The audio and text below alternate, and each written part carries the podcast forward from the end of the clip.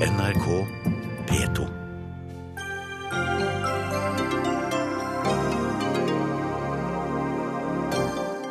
Både EU og USA innfører nye og strengere sanksjoner mot Russland. Uforståelig, sier det russiske utenriksdepartementet. Nini Stoltenberg er død. Hun gjorde rusavhengighet mindre skamfullt og viste at den kan ramme alle. Det sier representant for brukerorganisasjonen. LO stenger døra for ungdom som vil inn på arbeidsmarkedet, sier Høyres Stefan Heggelund. Han vil gjøre det enklere å ansette folk midlertidig.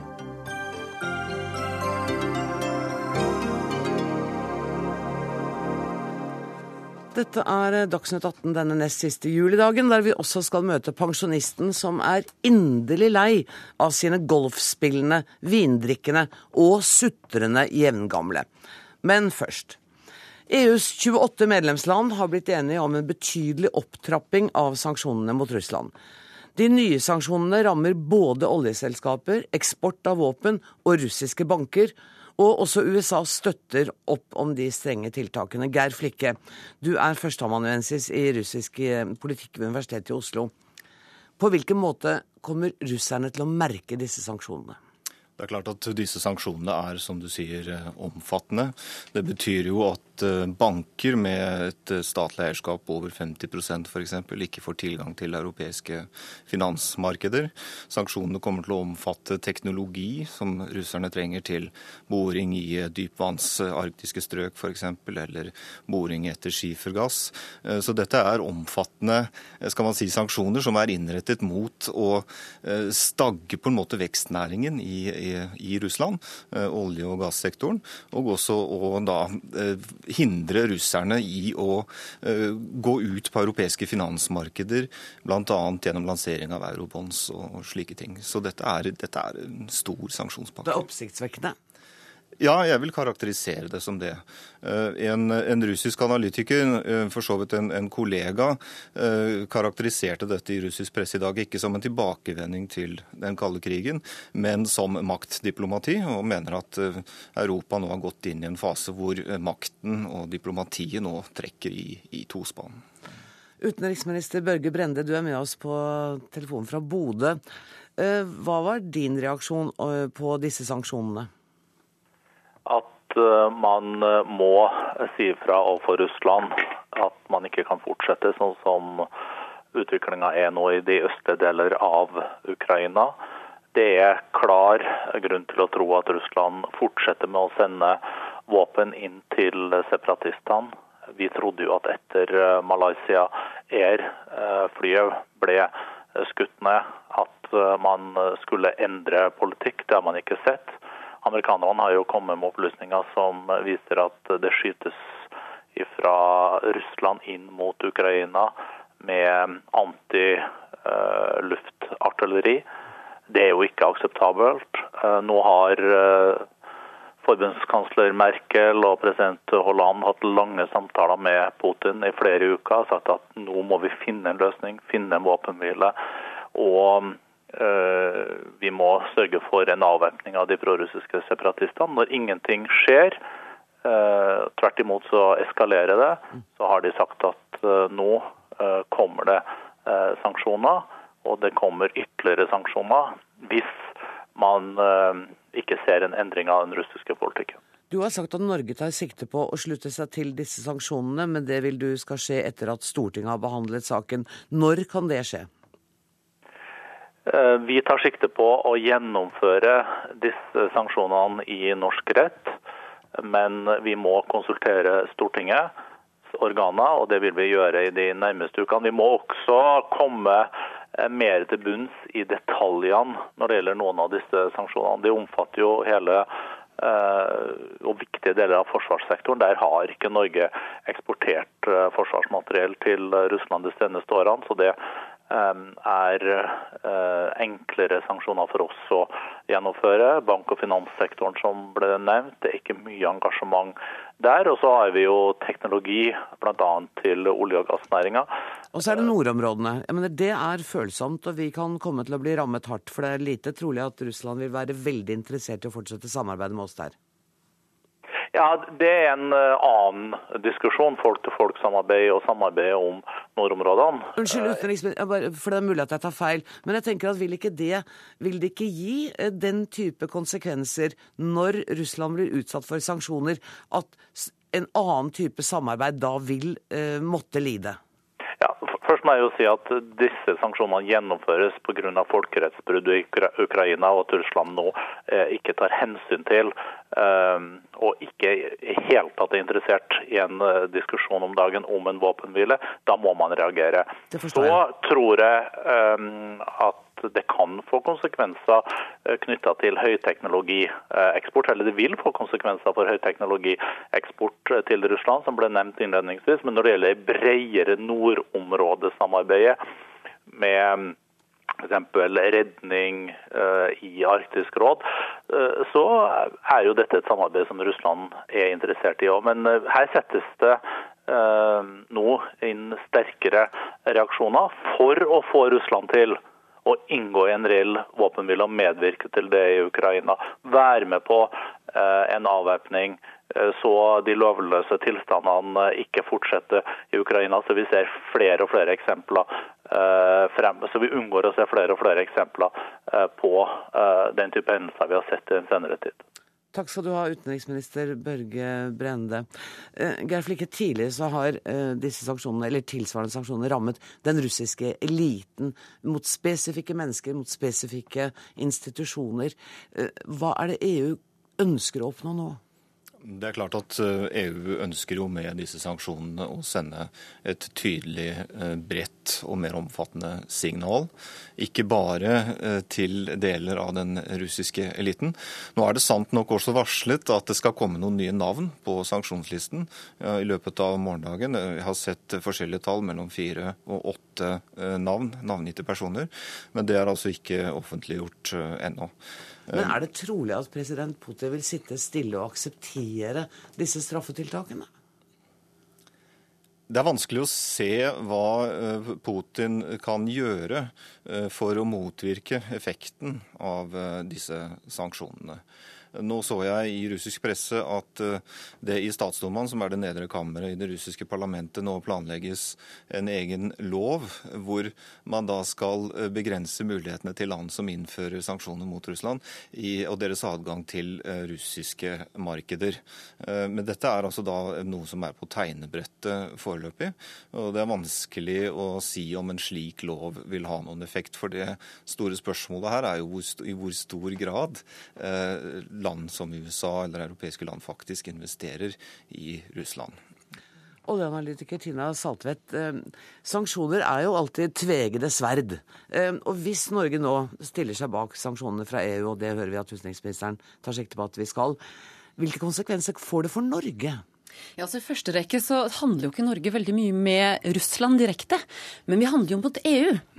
Og det gjør jo at disse sanksjonene vil jo kunne påvirke veksten i EU-landene. Og blir det en svakere vekst i EU-landet pga. disse sanksjonene, så vil jo også det kunne eh, påvirke etterspørselen etter norske produkter. Slik, at, slik får det en indirekte effekt, egentlig, disse sanksjonene. Så selv om vi da ikke handler direkte med Russland, så får det også en, eh, en effekt på Norge. Men så kan det jo da ha en effekt på olje- og gassmarkedet. Og det er jo slik det kan, eh, det er jo slik det kan nå Norge kanskje først og fremst. Fordi at det man er redd for her, det er jo nettopp at strømmene av olje og gass fra Russland til det europeiske markedet skal, skal påvirkes i noen grad. Europa er jo helt avhengig av den gassen og den oljen som, som, Russland eksporterer. Og det man er livredde for, det er jo nettopp at Russland skal begynne å holde igjen noe av denne oljen og den gassen. Og hvis de gjør det, så vil vi se en veldig kraftig økning i prisen på både olje og gass. Og det kan vi se allerede utover høsten. Når etterspørselen og behovet for gass til å varme opp husene i Europa stiger, så vil gassprisene kunne øke. Og det vil jo på en måte gi Norge mer inntekter, for vi eksporterer jo nettopp olje og gass. Sånn at når prisene stiger, så vil vi da få økte inntekter nettopp pga. de økte prisene på olje og gass. Eh, Gunnar Flikke, helt til slutt. Er det, dette her er en tilspissing av eh, forholdet mellom Russland og eh, Europa. Hva er neste skritt her? Ja, nå kalte du meg Gunnar Flikke. Nei, unnskyld, det, er min, det er min tremenning. Beklager, Geir. Jeg vet ja. det. Ja. Nå er det slik at disse sanksjonene skal opp til vurdering igjen etter tre måneder. Dvs. Si de blir innført i dag, og så skal EU vurdere igjen effekten av dem eller varigheten av dem eh, i løpet av en tre måneders tid. Det EU ikke har kunnet gjøre, er å kansellere allerede inngåtte eh, kontrakter om eh, forsvarsmateriell, slik som salget av Mistral, disse landingsfartøyene til Russland, som Frankrike har, har inngått. Men det er klart at under dette regimet så vil det ikke inngås noen nye store kontrakter med Russland av den typen. Og det er kostbart for russernes del.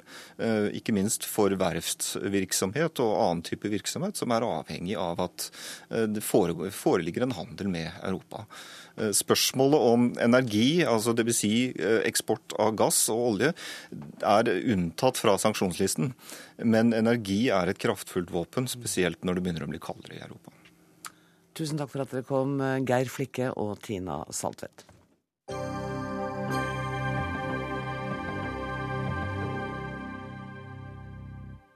Regjeringen har somlet med lovforslaget som skulle regulere hvordan Forsvaret og politiet skal samarbeide i krisesituasjoner. Det mener Arbeiderpartiet.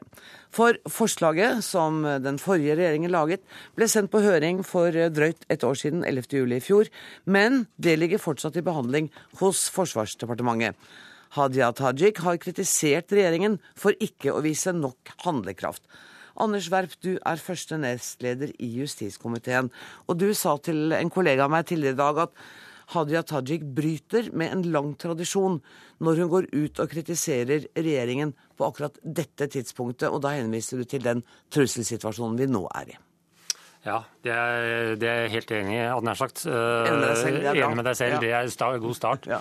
Nei, dette er, det er viktig presisering eh, fra min side at eh, landet var i en beredskapssituasjon. Dette sto på trykk i går, på tirsdag. Dvs. Si at utspillet kom på mandag. Da var landet i, i vår høyeste sivile beredskap i nyere tid. Eh, og det, At det er da tidspunktet Arbeiderpartiet bruker til å designe billige politiske poenger, det eh, reagerer jeg sterkt på. Da er det tiden framfor noen eh, å vise politisk lederskap. Det er en god tradisjon i Norge at vi samler oss når borgere er i en trusselsituasjon, hvor landet er i en trusselsituasjon. Da skal vi, om ikke nødvendigvis er enige i alt der og da, så skal vi samle oss og vise et lederskap ved at vi eh, nettopp viser styrke eh, ved det samholdet. Jeg, jeg mener at dette, dette, dette, kom på ingen måte Dette var forberedt uh, i en situasjon hvor altså vi måtte håndtere en kritisk situasjon. Det, det reagerer jeg på. Hadia Tajik, eh, slår du mynt, politisk mynt, på en, eh, en kritisk situasjon i Norge? Nei, det gjør jeg ikke. Og jeg må si at jeg er veldig overraska over at eh, en person som Anders Werp, som jeg kjenner som en veldig ordentlig og skikkelig person, kan få seg sjøl til å si noe så feilaktig. Han sier f.eks. at Arbeiderpartiet her har designa et utspill. Det er helt feil. Dagens Næringsliv har gjort et selvstendig journalistisk arbeid, og de har spurt meg og andre politikere om en kommentar til det. Og da er det to grunner òg til at Anders Werp tar feil. Den ene grunnen er at bistandsloven den har ingen betydning for håndteringen av dagens situasjon. Det vil vært en kodifisering av bistandsinstruksen, altså, eh, som man i dag bruker og opererer med. Eh, det betyr òg at det er legitimt, det Dagens Næringsliv gjør, å eh, reise en politisk diskusjon omkring framdriften av denne. Den andre grunnen eh, til at Anders Werp tar feil, eh, eller det i hvert fall er interessant at han reiser dette på denne måten, det er jo at jeg sier jo i eh, det samme som Knut Arild Hareide sier, nemlig at dette arbeidet er forsinka, og at man mangler en forklaring på dette. Og likevel så velger da Werp og Høyre å gå til angrep på meg og Arbeiderpartiet i en sak der vi er helt enige med Kristelig Folkeparti. Men kan du være enig i at timingen for det intervjuet du ga til Dagens Næringsliv kanskje ikke var det beste? Alternativet ville jo vært når Dagens Næringsliv hadde bestemt seg for å gjøre et selvstendig journalistisk arbeid, at jeg sa at uh, dette vil jeg ikke kommentere, jeg nekter å svare på det. Jeg vil sabotere for deres uh, selvstendige journalistiske arbeid. Det valgte jeg å ikke gjøre. Jeg respekterte det arbeidet de har gjort, og jeg har sagt langt på vei det samme som Knut Arild Hareide har sagt. Ja, eh, det er jo påfallende at Arbeiderpartiet, vet, eh, Hadia Tajik her, eh, skyver Dagens Næringsliv foran seg i dette spørsmålet. Det er ikke første gang landet er i en situasjon hvor det er en overhengende trussel. Og det er en god og norsk tradisjon at i den slags type tilfeller, da samler man seg om å løse og håndtere situasjonen. Og Da kan man ikke skyve pressen foran seg. Det reagerer jeg på. Hadde... Og la meg, la, meg, la meg, også trekke det litt lenger. fordi eh, Heldigvis skjedde det ikke noe. Men la oss si at det på mandag ettermiddag eller på tirsdag i går hadde skjedd et, eh, et anslag så, så, hadde man altså forventet fra Arbeiderpartiet at det kanskje de to mest involverte departementene i en hendelse, Forsvarsdepartementet og Justisdepartementet, skulle bruke krefter på en politisk debatt i tillegg til å håndtere en overhengende og teoretisk, heldigvis, men en, en, en, situasjon med et anslag. Her må vi vise ryddighet, og, og, og, det mener jeg Arbeiderpartiet ikke har gjort i dette tilfellet. Dette er ikke første gang. Det er mange av oss som har opplevd en krisesituasjon øh, nasjonalt med henvendelser fra pressen, og da sier vi dette venter vi med. Nå er vi oppe i en situasjon hvor den politiske debatten kommer senere. Jeg registrerer at Verp ikke går inn i substansen på det jeg sier. For på alle spørsmål eh, fra eh, journalister som jeg har fått omkring den operative håndteringen, så har jeg vært veldig tydelig på at det vil jeg ikke ha meninger om. Her er det regjeringen, politiet, Politiets sikkerhetstjeneste som har kunnskapen, forutsetningene, og jeg har full tillit til at de tar samvittighetsfulle beslutninger på vegne av landet vårt. Og så har jeg sagt at det er naturlig at man til slutt, når det operative arbeidet er ferdig, har en helhetlig evaluering av håndteringen. Det har justisministeren vært enig i. Men det substansen i denne saken er at det er diskusjon om framdriften på bistandsloven som ikke har praktisk betydning for håndteringen av denne konkrete saken. Eh, og substansen er òg at jeg sier det samme som Knut Arild Hareide gjør, og likevel så velger Anders Werp på Høyre å gå til angrep på meg og på Arbeiderpartiet. Eh, og da kan man jo spørre seg sjøl hvem det er som egentlig prøver å spille politisk mynt på denne saken? For Det det i bunn og, og grunn handler om, er at eh, dette ble sendt ut på høring 11.07 i fjor, og det ligger fremdeles i en skuff. Og det er jo litt påfallende. Det eh, jobber regjeringen med. Eh, og jeg mener at den kritikken som kommer uh, fra justiskomiteens leder og en lederprofilene i eh, Stortingets største opposisjonsparti.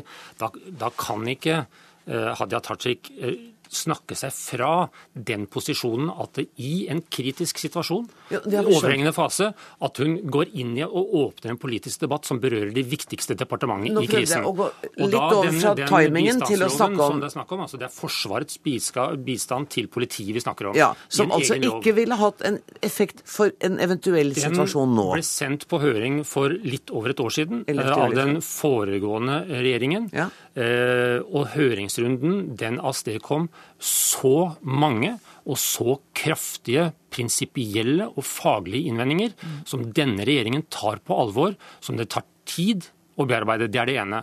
Og det andre er at dette er en helt ny lov. Her er det ingen uh, tidligere lov å bygge på. Den er direkte forankret i Grunnlovens nåværende paragraf 101, mm. som sier at Forsvaret ikke kan brukes mot det sivile. Mm. Det i seg selv er en prinsipiell og viktig diskusjon som Arbeiderpartiet faktisk har sterk, et sterkt eierskap til. Og jeg mener det er historieløst av Arbeiderpartiet å si at nå har man hastverk med en lov de selv har stemt imot vi skal ha. Og det, det, mener jeg faktisk at, at det eh, er uforsvarlig. Og, og da Men har dere stemt imot den loven dere selv har sendt ut et Nei, det har vi jo ikke. Eh, og det, det, det, som det, som er interessant her nå, er jo eh, å huske det Erna Solberg sa da vi, altså den forrige regjeringen, sendte forslag til ny bistandslov på høring. Og hun mente at det da kom for seint, at arbeidet hadde gått for sakte. Og nå snakker Anders Werp varmt om at man bør bruke vesentlig mer tid på dette arbeidet. Jeg er i hvert fall glad for at man har en felles forståelse for at dette arbeidet er viktig, det må brukes tid på. Men eh, det er interessant hvor fort eh, Høyre har valgt å skifte standpunkt i dette arbeidet. Jeg vil bare si én ting til. og det er at eh, selv om vi nå har diskutert i noen minutter, så registrerer jeg at Verp lar være å svare på at jeg og Hareide har sagt det samme. Mener Verp at Knut Arild Hareide, når han òg har vært kritisk til framdriften til bistandsloven i Dagens Næringsliv, at han òg slo politisk mynt på denne saken? Jeg mener at lederen for det største. Eh, lederen av justiskomiteen, samtidig som en lederprofil i det største opposisjonspartiet, ja, reiser denne debatten. Det er det som er mitt hovedpoeng. Ja, og det kan, det, kan, altså. det kan ikke Hadia Tajik snakke seg vekk ifra. Nei, men, men, men det er jo et poeng det hun sier. Det er også lederen i Kristelig Folkeparti er, har ytret seg i ja, absolutt samme retning. Er det da, men det er ingen tvil om i den artikkelen at det er Tajik som går lengst og er tydeligst. Og tilbake til uh, loven om bistand fra Forsvaret uh, til, uh, til politiet. Ja, Erna Solberg sa at dette, den, dette lovforslaget kom for seint. Fordi Arbeiderpartiet har stemt ned Høyres forslag om en slik lov mange ganger. Og Hadde Høyres forslag fått støtte fra Arbeiderpartiet tidligere, så hadde den loven vært på plass for lenge siden. Det var Erna Solbergs poeng. Men det du forteller poeng. nå, er jo at Høyre har gjort et vesentlig forarbeid på dette feltet, eh, som man da kunne tatt i bruk eh, i denne sammenhengen Nei. her. Da er det jo ekstra underlig at man bruker såpass lang tid på dette her. Det foreligger selvfølgelig ikke en egen lovavdeling i Høyre som utarbeider lovforslag løsrevet fra Stortingets prosesser. Eh, dette er et forslag vi har fremmet fordi vi mener det er viktig i dagens situasjon å regulere forholdet mellom forsvar og politi. Ja, det skjønner fordi jeg, men kan, kan jeg ikke bare få rydde opp litt, for det er så mye nå jeg ikke skjønner. Dere har fremmet forslag om denne bistandsloven gang på gang på gang. Arbeiderpartiet har stemt imot. Så går Arbeiderpartiet i regjering hen og fremmer et forslag om bistandsloven som dere legger i en skuff. Hva er sannheten her? Nei, det ligger overhodet ikke i en skuff. Det ligger til behandling i regjeringen. Okay. Det kommer et lovforslag, men det forslaget fra de rød-grønne fikk så mange tunge prinsipielle og faglige motforestillinger i høringsrunden fra tunge faginstanser at det må vi ta på alvor. Jeg hadde håpet å oppklare, jeg vet ikke om jeg ble så mye klokere. Vi må ta en runde til når dette ja. forslaget ligger på bordet. Tusen takk skal dere ha. Hadia Tajik og Anders Werp. Hør Dagsnytt 18 når du vil. Radio NRK.no. Nini Stoltenberg er død. Søsteren til Jens Stoltenberg og datteren til Thorvald Stoltenberg ble 51 år gammel. Hun døde etter lengre tids sykdom. Hun var i mange år åpen om sin heroinavhengighet, og var en forkjemper for en mer human narkotikapolitikk. Velkommen i studio, leder i Foreningen for human narkotikapolitikk, Arild Knutsen. Du kjente Nini Stoltenberg svært godt. Eh, kondolerer. Takk for det. Eh, hva slags hun er jo veldig engasjert i det narkotikapolitiske eh, arbeidet. Hva slags politisk menneske var hun? Nini var veldig spesiell, for hun var veldig folkelig, og så hadde hun en sånn enorm autoritet. Mm. Sånn at eh, når hun kjempet for noe, så, så, så skulle hun ha det sånn. Og, så hun, hun, var veldig tøff.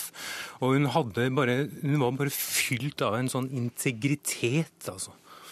Og du har sagt at uh, det var hun som fikk deg til å engasjere deg i narkotikapolitiske spørsmål? Ja, det var det. Fordi jeg søkte rundt i rusfeltet og lurte på hvor jeg kunne engasjere meg. Så fant jeg bare Landsforbundet mot stoffmisbruk og Ungdom mot narkotika og Landsforbundet mot rusgift.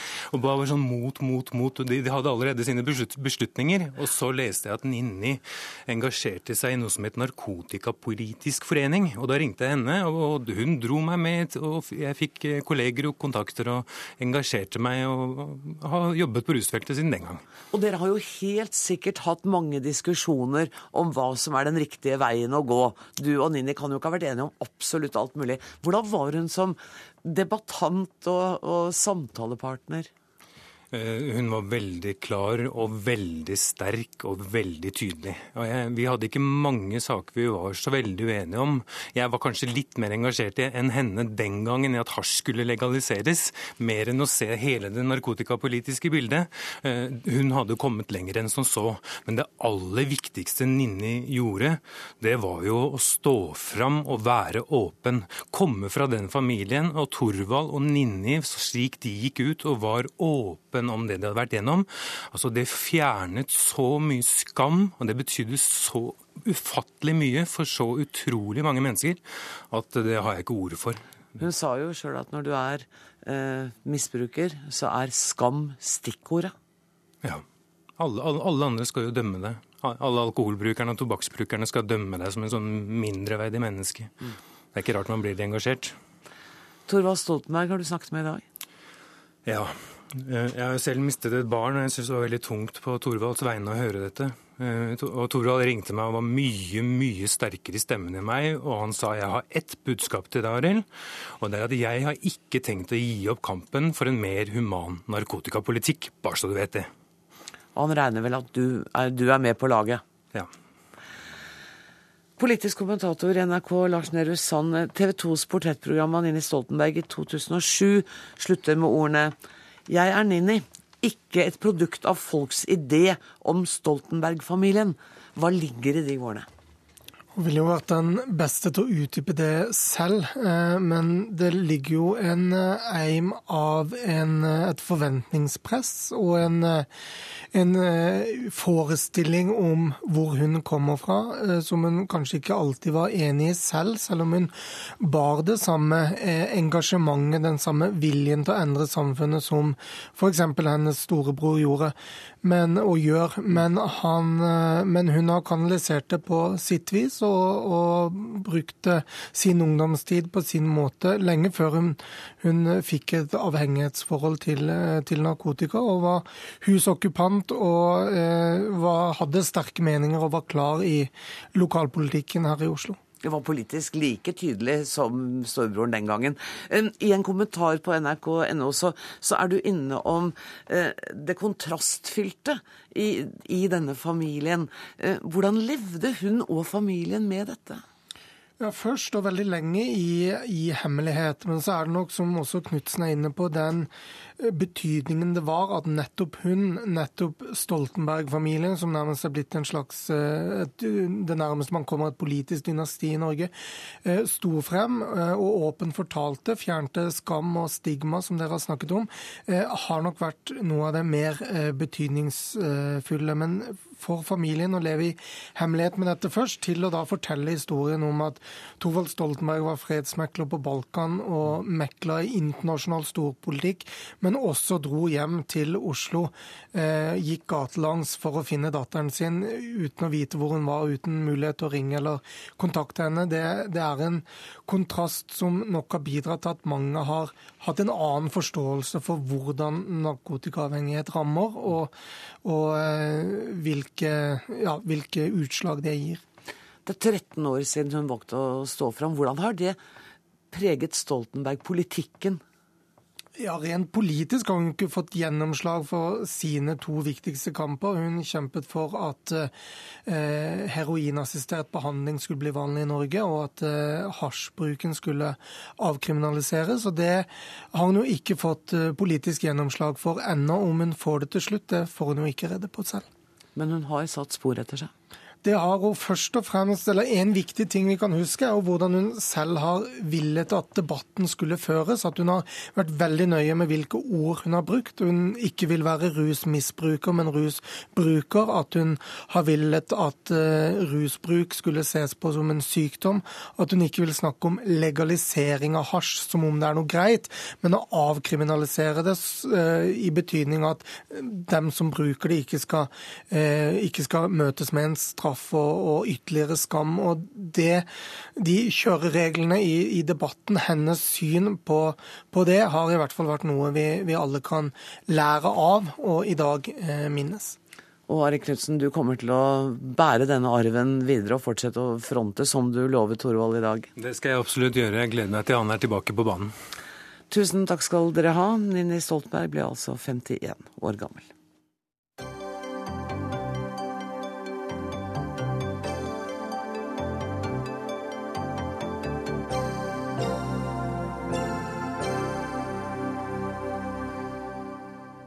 Statsadvokaten i Hordaland beklager at det er et flertall på Stortinget for å oppheve sexkjøploven.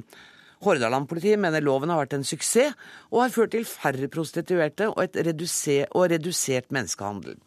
Likevel, på Stortinget er det flertall for å fjerne loven.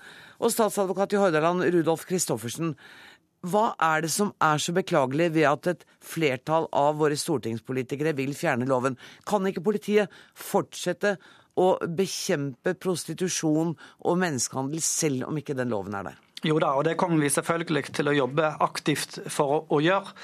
Eh, men det er en gang sånn at etter vår oppfatning her i Hordaland, så har sexkjøploven vært et viktig verktøy i å bekjempe eh, menneskehandel.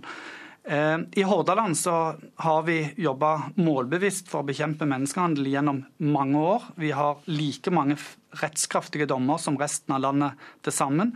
Og vi jobber aktivt også for å forebygge menneskehandel gjennom at vi holder foredrag på de videregående skoler om menneskehandel og prostitusjon og sexkjøp.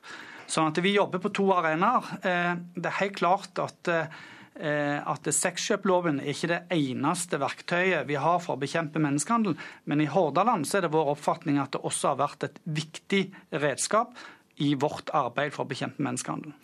Sånn, og det arbeidet dere nå har gjort med betydelig hell, det vil bli vanskeliggjort da, hvis Stortinget opphever den loven? Ja, Det er klart eh, min klare oppfatning. Eh, tillegg så tror jeg det er viktig å være oppmerksom på at eh, sexkjøploven skal jo også virke forebyggende. Det var jo en av motivene og en av årsaken til innføringen av sexkjøploven, å redusere etterspørselen. Og det er derfor vi i Hordaland har jobbet veldig aktivt, særlig opp mot de unge, eh, for å skape og etablere holdninger mot kjøp av seksuelle tjenester. Eh, og Det er ingen tvil om at eh, så lenge det er et forbud mot kjøp av seksuelle tjenester, så virker det også normgivende og holdningsskapende. Det er iallfall vår klare oppfatning i Hordaland. Men det er vel ikke helt bevist ennå, for dette her diskuteres det jo om markedet egentlig er blitt noe mindre. Om eh, antallet sexkjøpere eller potensielle sexkjøpere har gått ned. Det er vel litt for tidlig å konkludere på det? Ja, I Norge så kan man gjerne si at det er for tidlig å konkludere med det. Derfor har jeg også blant de som mener at det er alt altfor tidlig å evaluere sexkjøploven etter bare fem år. Eh, og Jeg registrerer jo også at enkelte politiske partier de flagger at de er for å fjerne loven allerede før de vet resultatet av denne evalueringen. Mm. Hvis man f.eks. ser på Sverige, så har de hatt et forbud mot kjøp av seksuelle tjenester siden 1999. De venta helt til 2008 før de evaluerte loven. De registrerte en betydelig endring i holdning til sexkjøp, særlig blant unge. Og de viser bl.a. det fremgår av den evalueringsrapporten at i 1996 så var det 67% som var mot kriminalisering av sexkjøp. Mens i 2008 så var det 76% som mente at det var riktig å gjøre det. I tillegg så viste også eh, undersøkelser som man gjorde i forbindelse med evalueringen i Sverige, Sverige at i 1996 så oppga 13,6% av alle menn at de hadde kjøpt sex mens i 2008 så hadde tallet sunket til 8% Det er altså en nedgang på rundt 40% i løpet av den tiden som sexkjøploven har virket i Sverige. Dette, altså Sverige er ikke så veldig annerledes enn Norge, og dette er resultatene som man da har oppnådd i Sverige. Og Svensk politi er også krystallklare på at sexkjøploven i Sverige har vært viktig for å bekjempe menneskehandel i Sverige. Eh, Kristoffersen, vi skal eh, slippe til Heidi Nordby Lunde, som er en av de stortingsrepresentantene som du kritiserer, fordi hun vil nemlig fjerne sexkjøploven nå, så fort som mulig. Eh, blir du ikke noe overbevist av de tallene du hører i nedgangen i sexkjøp fra, våre, fra vårt naboland? Jo, og jeg har også hørt kriminalinspektør Simen Hegstrøm fra politiet i Stockholm fortelle om deres erfaringer. Og det er helt riktig at de mener at det har vært et godt verktøy mm. for å bekjempe menneskehandel. Men det er verdt å understreke da samtidig at en lov ikke legitimeres ut av de resultatene den, den gir. Men det er interessant å høre hvordan svensk politi jobber. Fordi de sa at med to timers spaning, to politifolk og en person fra sosialtjenesten som kunne hjelpe kvinnen, kunne de ofte både ta sexkjøperen, eh, hjelpe kvinnen og, og ta bakmennene. Og jeg har selv vært og gått sammen med Kirkens Bymisjon på gaten i Oslo og delt ut kondomer og glidemiddel til eh, prostituerte i, uh, her. Og det er ikke fryktelig vanskelig å finne dem. Og da spør jeg meg også uh, meg selv om hva kunne vært gjort dersom politiet gjorde nesten samme jobben, brukte mindre enn to timer på spaning, for det trenger du ikke, uh, hadde med seg noen fra sosialtjenesten og fokuserte på å ta bakmannen. For det overkommelige bøtet til den som kjøper sex, det gjør at man mister litt fokus, istedenfor å ta de som står bak menneskehandel og overgrep.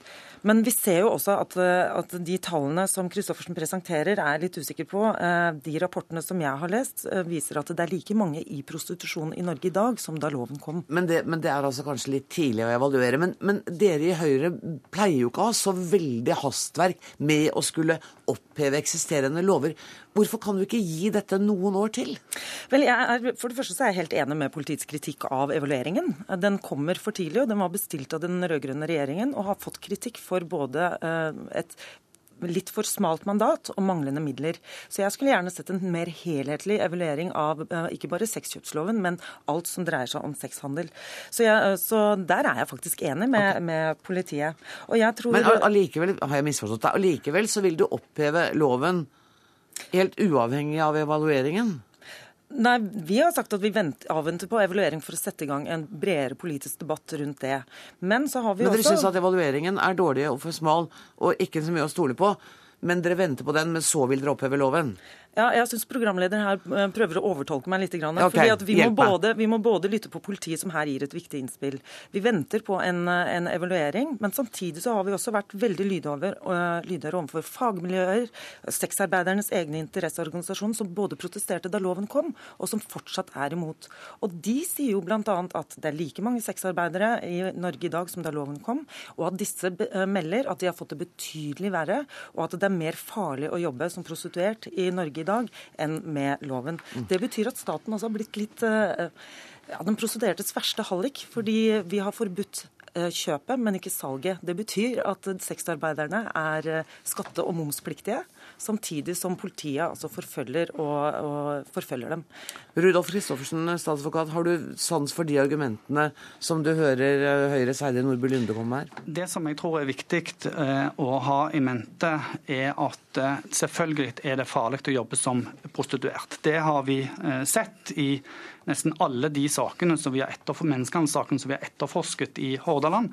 Der er betydelige elementer av vold og trusler. Eh, det var ikke særlig annerledes før sexkjøploven kom. Så viser Heidi Nordby Lunde til eh, at det skal ha blitt mer vold, eh, farligere å jobbe som prostituert etter sexkjøploven.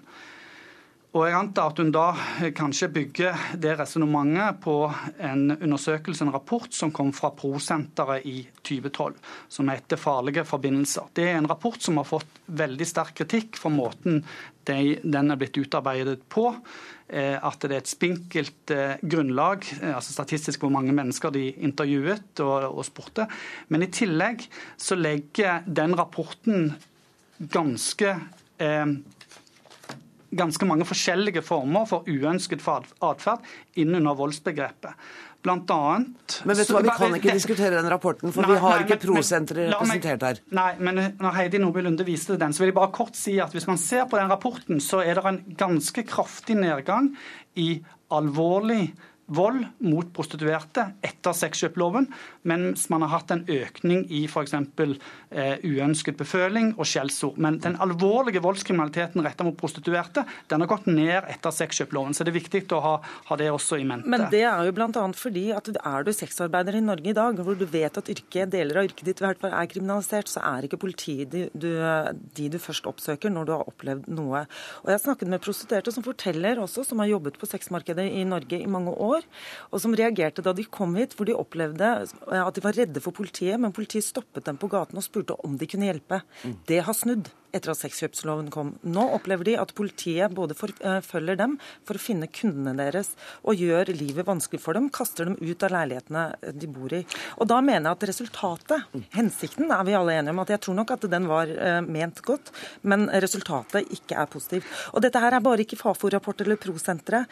Vi får nå mer og mer entydighet fra menneskerettighetsorganisasjoner som Human Rights Watch, FNs organisasjon for kvinner og likestilling, Verdens helseorganisasjon, som alle anbefaler å gå i motsatt motsatt retning av hva de nordiske landene har gjort. Og Da ja. syns jeg at vi skal både lytte til hva dere sier i Hordaland politidistrikt, men vi må ha med de også. Vet du hva, Vi er nødt til å vente på evalueringen før vi tar den neste diskusjonen. Tusen takk til statsadvokat Rudolf Christoffersen, og takk til Heidi Nordby Lunde fra Høyre.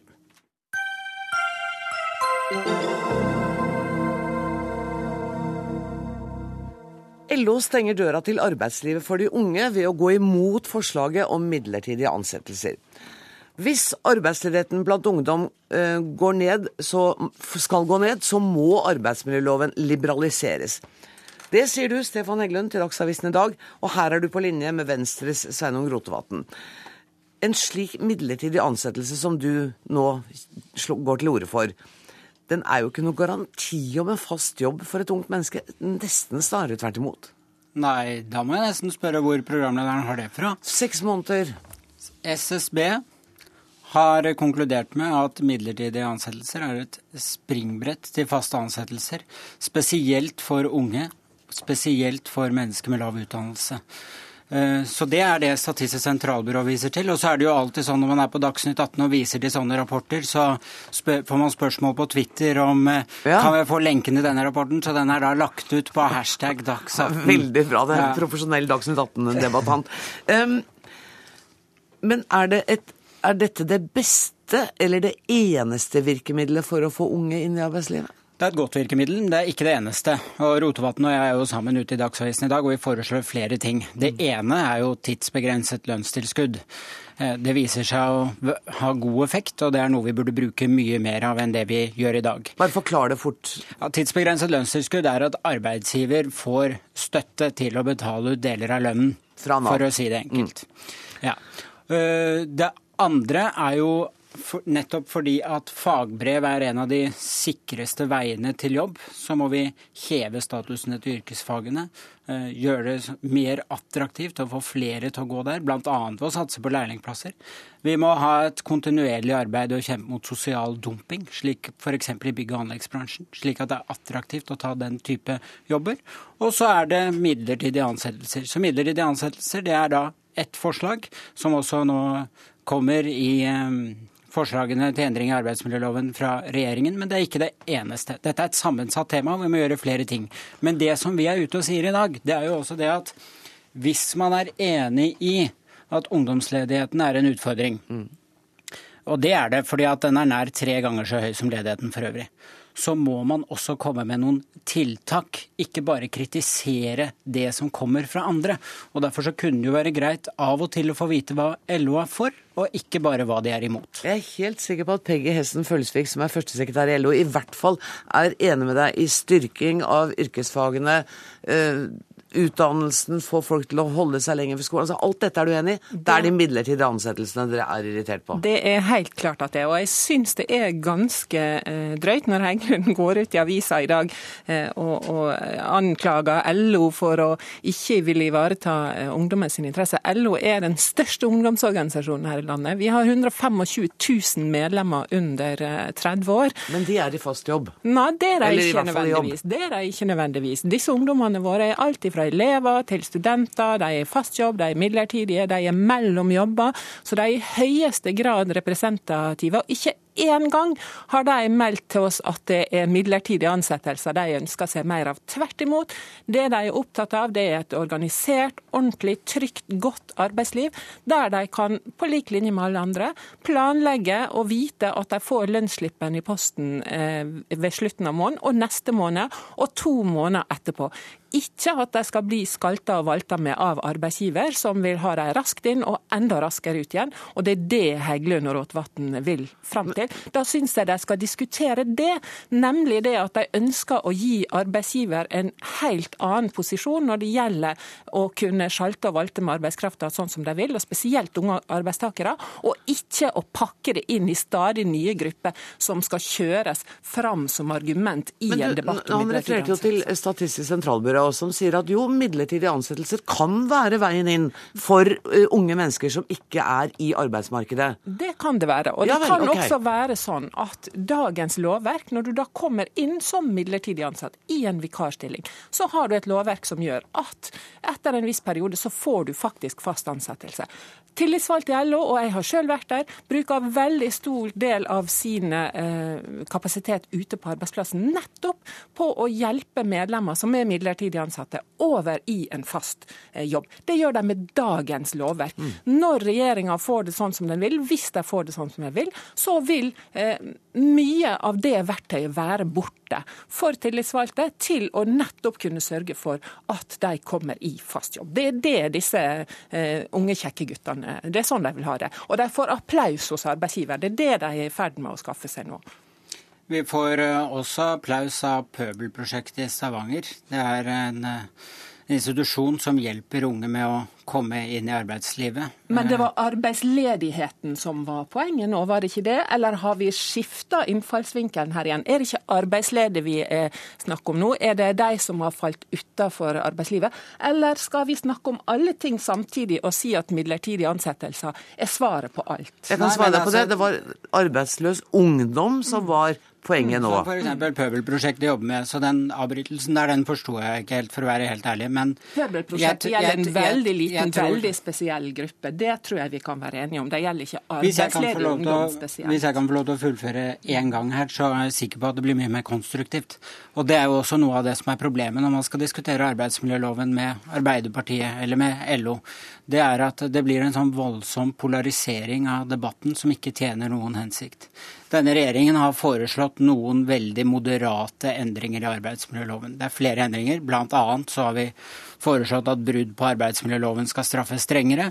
Midler, altså at man skal eh, åpne for eh, litt mer økt bruk av midlertidige ansettelser er et annet av disse forslagene. Og det må gå an å kunne diskutere dette uten å bli beskyldt for å stå på arbeidsgiversida, at man vil ha ungdom raskt inn i arbeidslivet, for så å få ungdom raskt ut igjen i arbeidslivet. Altså, jeg tror, altså, mener du, Tror du virkelig jeg sitter her med et ønske om å få noen raskt ut av arbeidslivet? Tror du virkelig det? Nei, men vi, hvis du ikke tror det, så må du slutte å argumentere på en sånn måte. Og så får vi heller ha en konstruktiv debatt. Og nå er det sånn at vi skal få inn noen høringsinnspill, eller regjeringen skal få inn noen høringsinnspill på dette, bl.a. fra LO. Og jeg håper jo inderlig at de innspillene er mer konstruktive enn det vi hører fra LO her i dag. Jeg tror at du er ute etter å sanke goodwill, først og fremst hos arbeidsgiverorganisasjonene. Og det er jo ikke tilfeldig at de spiser bløtkake og skåler i høye glass over det forslaget som nå ligger eh, på bordet. Eh, og, det eh, å være konstruktiv Vi behandler eh, dette forslaget på samme måte som vi gjør alle andre forslag. Vi skal behandle det seriøst, og vi skal gi tilbakemeldinger på det. Men det er ingen tvil om at midler midlertidige ansettelser er noe av det vi mener er den dårligste, må være den dårligste medisinen for å bekjempe ungdomsledighet. Sverige har testa det ut. De har en skyhøy ungdomsarbeidsledighet. De sender ungdommen sin hit til Norge for å få jobb. Så, så hvor, hvor, har man det fra at dette skal løse ungdomsarbeidsledighet? Ikke engang OECD tror lenger på det. Men Høyre og Venstre gjør det fortsatt. Det er jo sånn at uh, hver gang man diskuterer politikk og arbeidsliv, så må venstresiden komme med Sverige som et eksempel. Jeg tror det er viktig å huske på at selv om uh, Sverige og Norge er ganske like land, så er vi også forskjellige på en del områder. Og det går ikke an å ha en uh, direkte sammenligning på absolutt alle arbeidslivsspørsmål man diskuterer med Sverige. Men nå er det sånn at Statistisk sentralbyrå har konkludert med at midlertidige stillinger er et springbrett til faste stillinger. Eh, vi ser at eh, flere av eh, de som jobber ute i tiltakssystemet, er for midlertidige ansettelser. Og vet du hva, jeg snakket også med en Nav... Du må gjøre det kort, altså, for det, det står noen i døra vil inn her. Ja, jeg snakket også med en leder på et Nav-kontor for ikke så lenge siden. Og vet du hva hun sa til meg? Hun sa at ideologisk og politisk så er jeg imot at vi skal ha mer midlertidige ansettelser.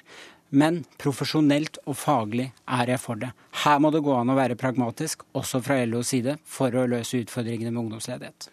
Profesjonelt og praktisk så må jeg si tusen takk for at dere kom, Stefan Heggelund og Peggy Hesten Følsvik.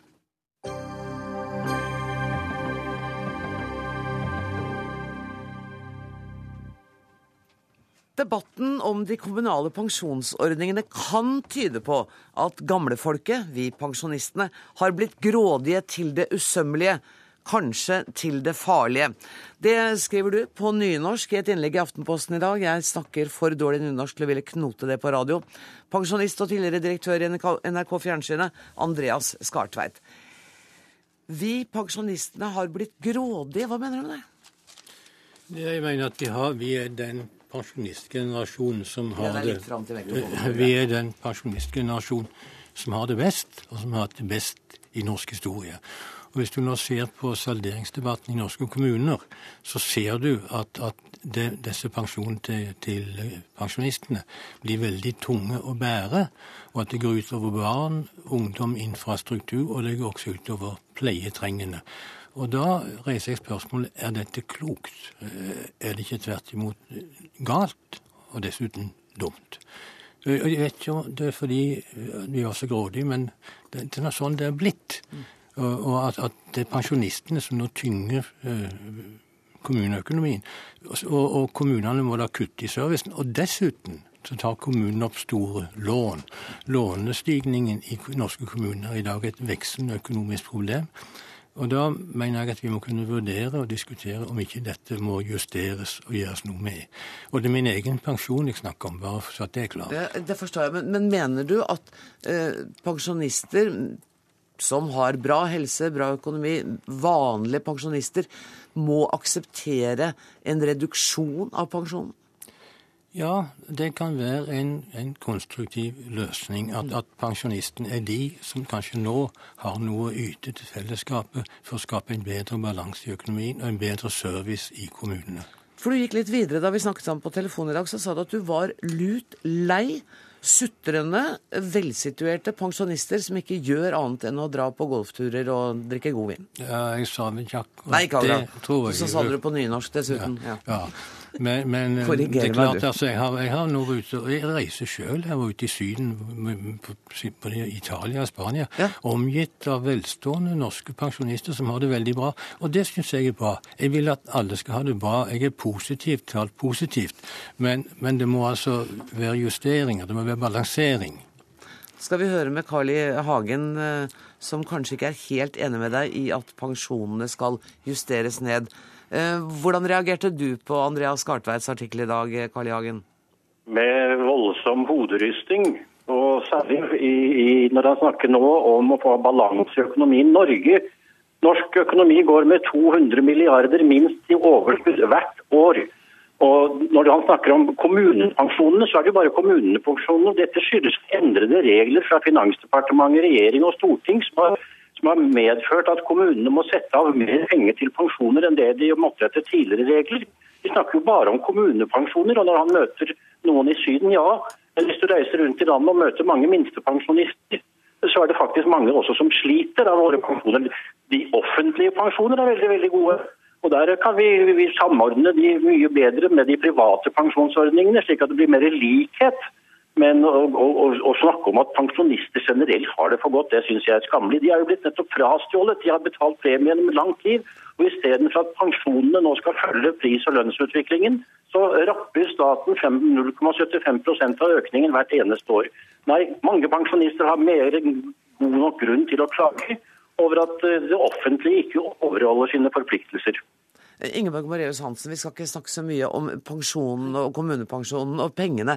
Men du har jo sagt noe om det der å gå inn i den kosetilværelsen når ja. man blir pensjonist, ja. som du ikke kan fordra. Ja, jeg, jeg synes jo at det å, å, kose seg fra du er 60 til 90 år må være skrekkelig. skrekkelig. Du blir bare syk av det. Men, men altså, jeg er opptatt, i likhet med Andreas, at fellesskapet fellesskapet bør vi kanskje se litt på. Og vi som nå lever lengre og er sterkere og friskere enn vi noen gang har vært, vi bør jobbe mer. Er, jeg er også i avisen i dag og skriver at folk må få gå lengre i jobb. Mm. Og det med pensjon har jeg ikke skjønt. Jeg har ikke skjønt min egen heller. Men det jeg skjønner, det er at eh, vi kan delta mye mer fordi samfunnet blir både sunnere og riktigere hvis vi deltar sammen med de unge. Kan jeg bare få spørre Skartveit om han er enig med deg? Er du enig med Moreus Sansen i at vi bør stå lenger i arbeid i dette landet? Nei, jeg har ytra meg offentlig om dette før. Og jeg syns hvis man skal ha en fleksibel pensjonsalder, så får man ganske mange andre problemer å håndtere. Men, men, det er jo ikke den debatten vi, vi tar nå, syns jeg. Litt den nå, kan ikke eller? Ja, ok. Hva sa du nå? Nei, ja, litt den også, tenkte jeg. Men du hadde lyst til å svare Carl I. Hagen, du kanskje? Ja, altså det han skriver, snakker om, om Stortinget, regjering og staten som plyndrer. Jeg syns han skal snakke med finansministeren om dette. For han har jo inntak i, i, i de kretser. Så minstepensjonisten, det er et problem. Og det er ikke det jeg snakker om. altså I omfordelingen bør det kanskje også skje sånn at det blir noe mer på de. Men veldig mange pensjonister som jeg vet om, har det veldig godt. Eh, og, og vi, er den, vi, er den, lykkeligste generasjonen i historien. Vi fikk utdannelse, vi fikk jobber, og, og, vi har altså også fått gode pensjoner. Men, men, vi er jo ikke bare den lykkeligste, vi er også den sunneste og ja. den sterkeste. Ja. Og for at de som Temaet før vi kom inn var jo at det er unge mennesker som vil være i arbeid. Og da kan man jo si at da får vi skynde oss ut, vi gamle, da, så det er mer plass til dem. Men arbeidsplassen, i, både på, i bygda, som du skriver om i dag, og på NRK eller på kino eller hvor det er, så blir en arbeidsplass mye mer kreativ og riktig i forhold til tiden i dag, hvis vi som har levet en stund og har en viss erfaring, kan møte de unge med våre betraktninger. Og, og jeg, jeg, jeg, ja, et lite øyeblikk, Hagen. Vær så god.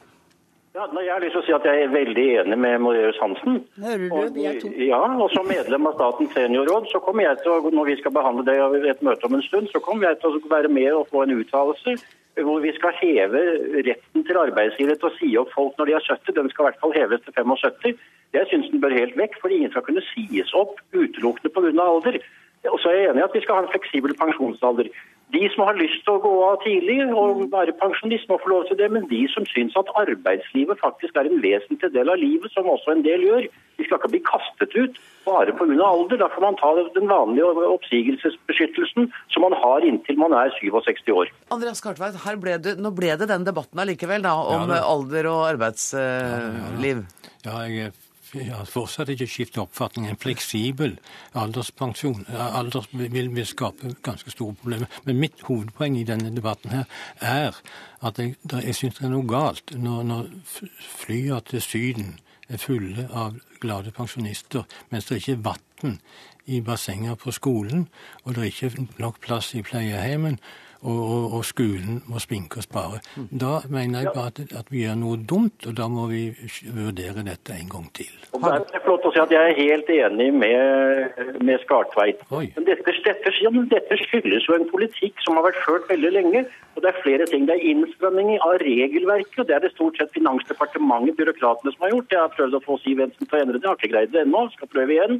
Men da må man endre systemene, fordi det Skartveit sier, det er at de offentlige pensjoner er altfor gode. Men det er mange private pensjoner som bare har eh, folketrygden å forholde seg til. Nå får de en, noen en, en, bedre tjenestepensjon. Eh, men man kan ikke snakke om de offentlige pensjoner. Der er det jo først og fremst LO det er Landsorganisasjonen og Fagforbundet når det gjelder kommunesektoren som motsetter seg enhver endring av den veldig gunstige offentlige pensjonsordning, tjenestepensjonsordning. Men vet du hva, nå er ikke LO med oss nå, og jeg tenkte vi ikke skulle ta den vanlige diskusjonen. Den veien Svartveit må gå, ikke mot den sittende regjering. Jeg har fått kjeft fra LO i dag, så jeg vet om dette. Hva har du fått kjeft for i dag? For det jeg sa i avisa i dag. Og det har du fått kjeft for? Ja. ja. ja. Men, Jan Davidsen gikk vel i taket, tenker jeg. Nei, jeg har ikke snakket om Men istedenfor å diskutere pensjon, ville jeg gjerne at vi skulle, skulle diskutere arbeidsliv. Ja, altså det, Vi kan godt gjøre det halvannet minutt, som er den tida vi har igjen. Det er fint for meg. Men, men, det er jo Igjen er det dette med at om bassengene skal fylles, og om det skal bli en klokere politikk, ikke bare på dette med pensjon, da, men på å få et bygdesamfunn og et bysamfunn til å bli bedre, så kan det ikke være slik at det er bare folk som er 38 år som skal bestemme alt dette. Andreas. Det må være noen som sitter rundt bordene, som også tilhører den i den tredje alder. Vi, vi skal ikke trekke stigen oppover oss, etter oss og liksom bare kose oss og leve der. Vi skal være forpliktet.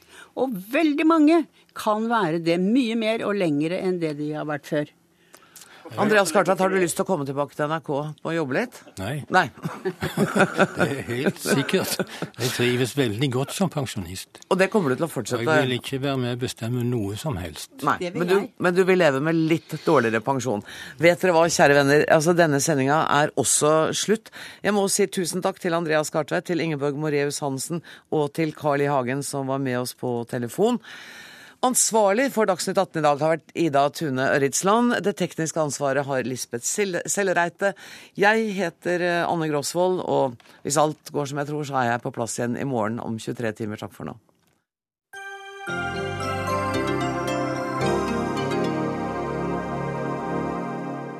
Hør flere podkaster på nrk.no podkast.